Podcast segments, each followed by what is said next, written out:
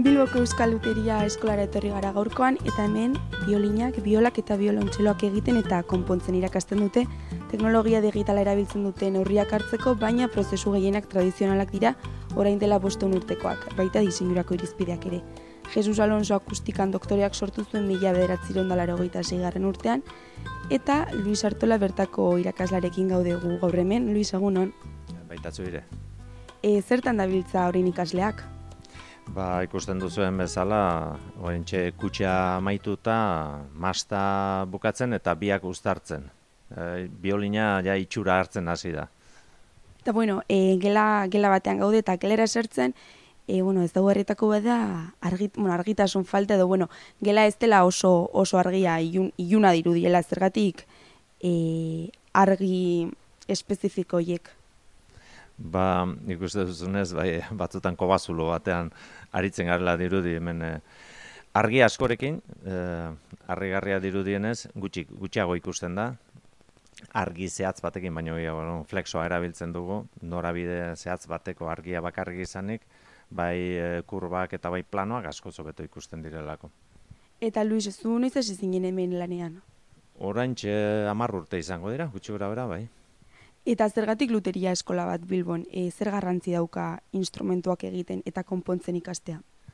Bueno, ba, musikarientzako ondia, uh, inork egingo espalitu edo konponduko espalitu, arazo desenteko izango lukete musikariek. Eta egun zenbat ikasle daude eskolan? Ba, hogei bat izango gara. E, maila, mailaka, ba, zazpi sortzi sartzen dira, urten gutxiago ditugu, hemen lehenengo mailan bost ditugu, baina bai gutxi horara hoxe izaten da bai, media. Eta lau maila daude ez? Maila bakoitzean zer, zer egiten da, zer irakasten da? Bueno, iru, iru maila ditugu, lehenengoa, bigarna irugarna, eta gero lau konbokatoria, batzuk eh, lau urte egiten dituzte, hemen e, iru maila horiek eh, amaitzeko.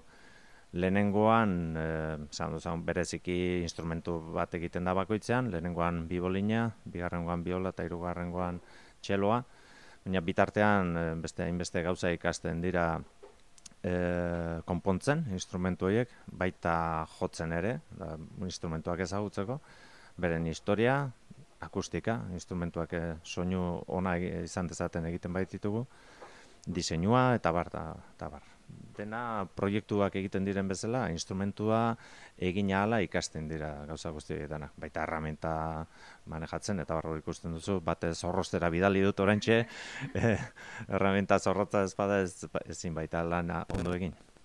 Eta bueno, esan dezu ez, bibolina, biola, biolontxeloa, e, egiteko prozesua nolakoa da? Zaila erreza? bueno, egurrean ohitu gabe dagoen antzat, zaila, eta eskulanetan ohitu gabe dago antzat e, eskulana trebezia e, handia garatu behar da. Baina horretako da eskola bat eta una sartu da askotan jendea zar e, inoiz eskulanean eta herramienta hauekin jardun gabekoa eta ikasi egiten da. ikasi egiteken zerbait da. Ez, behar dena da zehaztasun e, handia. Eta instrumentu bat egiterako garaian edo konpontzerako momentuan zer da kontuan eduki behar dena? Bueno, uf, gauza asko, eh, instrumentu txiki eh, hau, bueno, biolina, gero txeloa handiagoa da, baina oso komplexuak dira. Eh, batetik egitura, diseinua edo egitura proportzioak, neurriak eta oso kontutan izan behar dira. Baina hauek badituzte, ja beren estandarrak eta oso garatuta dagoen instrumentu bat da. Ja, orain dela bosteun, hirureun urtetik, ona oso gitxi aldatu dana, eta baina jarraitu behar dira neurri horiek. Gero esku, eh, eskuaren trebezia, behar da. E, instrumentu hau soinua sortzeko dela ez da aztu behar. Beraz, den dena aztertu behar da, e, lehen gaien e, mekanika aztertu behar da ondo, ba, dardar ondo egin dezaten, soinu hona atara dezan, orduan, e, aztertu behar da lehen gai hoien zaugarriak, e, fizikoak, mekanikoak, eta bar, eta bar, komplexua bai, bai. Eta ze, ze material erabiltzen duzu? Bueno, egurra egituko hemen ikusten dituzun egurra bek, e, sabelaldea izeia da, e, saietzak eta bizkarraldea eta mazta astigarra. Eta gero hemen e, egur ilun hau, baltza hau e, ebanoa da. Berezik, bai, normalean hauek erabiltzen dira, bai. Orduan materialaren aukeraketako badu garrantzia, ezta?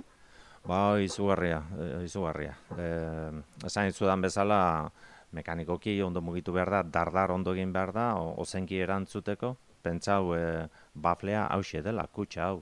Eta kutsa honek e, arien dardara iristen zaionean, bizi-bizi erantzun behar du, urrunera iristeko, eta gero soinu gozoa atara behar du, orduan. Erabiltzen ari gara, ba, mundu mailan dauen egurrik eh, onenak. Izeia hauek eh, alpe ingurutakoak dira, eta Balkanetakoak eh, astigarra. E, bueno, esan dugu ez, hemen lehengo mailako ikaslekin e, gaudela biolin, biolina egiten ari dira. E, nondik ikasten da bat, biolin bat egiten? E, bueno, hauek hasi dira e, irailean, enbor e, zatiak hartuta. ba, egur puskak, e, eta hortik e, diseinatu eta erramenta erabiltzen ikasita, poliki-poliki ikusten duzun, e, honetara iritsi dira, kaina biztan daukagu, eta ordurako, orduan soinu atara behar du. Orduan, bueno, eh, hasierako behar da lehen gaiona, esan duguna, eta enbor gutxetik azten dira, gero planoak, planoak baditugu, instrumento klasikoen planoa, neurriak, diseinuak eta bar, eta horietatik bat txantiloiak eh, eginez, hortik moldeak atara eta molde horien gainean hasten gara eraikitzen zati bakoitza. Bueno, ba, ikasletako bat da guz, eta hemen dabil lanean. E, guz, ez zergatik eman zenuen izena Bilboko Euskal Luteria Eskolan. E, niri beti gustatu izan jatez e, eskulanak. Eta atzo, a, arotzeri xa ikasi nebanez, e, ba, gero e, etxin hasi nintzen e, gitarra bat egiten, da gustatu jaten, eta ikusi neban nire hau eskola zegoen e, zegoela e, Bilbon, e, ba, imaz, e, ba, to, ba, izen eman eban, da oin gustora. Eta zelan joan da lehen urtea, hau zelan ikasturtea. Bo, e, oso ondo, oso ondo. Asko ikasiot eta hau hause guztetate eta hau nahi otein. Eta e, biolin bat egiten ari zara, e, badakizu instrumentu hori jotzen? Ez, nik ez dakit joten. Baina e, ba, ikasten ari gara bai e, e, biolina joten. Ba, e, ukitzen dugu klasik e, ikasteko batez be ezagutzeko instrumentua. Zelan e, ata soinu eta olako gauzak. Eta, bueno, elanean harrapatu zaitugu orain zertan ari zara. Oin nabile e, enkastri egiten, e, kutsa eta mastila lotzeko, eta, bueno, e, gaur hasina, osea, que ondino asko falta date. Bueno, ba, eskerrik asko eta segi lanean. Eta, bueno, Luis, e, ikasturtea maierara iristen ari zarete, ez, gero ikasturta maieran zer da baloratzen dena, ez, zer edukitzen duzue kontuan? Bueno, garapena, batez ere ikasketa bat gertatu dela, e, zerraz jakitetik edo bai tresnak erabiltzeko teknika eta emaitza, e, iritsi diren instrumento amaitzera eta, bueno, gertatzen da, gertatzen dena da, barkatu, bigarren urtean da hirugarren urtean ikasitakoaren garapen bat gertatu behar dela. Orduan, hiru urte horiek e, bide berean dijoaz gorantza. Orduan erakutsi behar dute bigarren urtean e, garapen hori e, jarraitzen ari dela eta gero autonomoagoak direla prozesu bakoitza egiteko eta hirugarren mailan oraindik eta gehiago. Eta gero amaieran e, erakutsi behar dute oraintxe beste gela batean, alboko gela batean ari dira beste lau ikasle beren amaierako proiektua egiten da zer da hori. Ba, ikasketan amaieran erakutsi behar dute gai direla. Beraiek bakarrik bost astetan bibolin bat egiteko. Eta hori dira, ari dira egiten oraintxe bertan. Amaituko dute bi aste barru.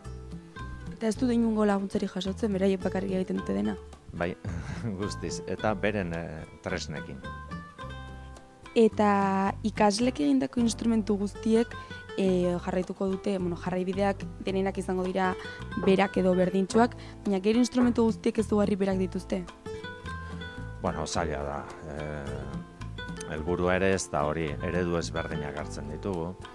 Baina gero asmoa duzun hortatik, plan horietatik, neurri horietatik, gero azken emaitzara alda handiak gertatu daitezke zergatik, ba, eskuaren trebezia indik garatu gabe dagoelako. Orduan, instrumento denak ezberdinak ataratzen dira. Baina bai dituzte ezaugarri batzuk, soinuan eta jotzeko egokieran eta bar, ba, asko zaintzen ditugunak.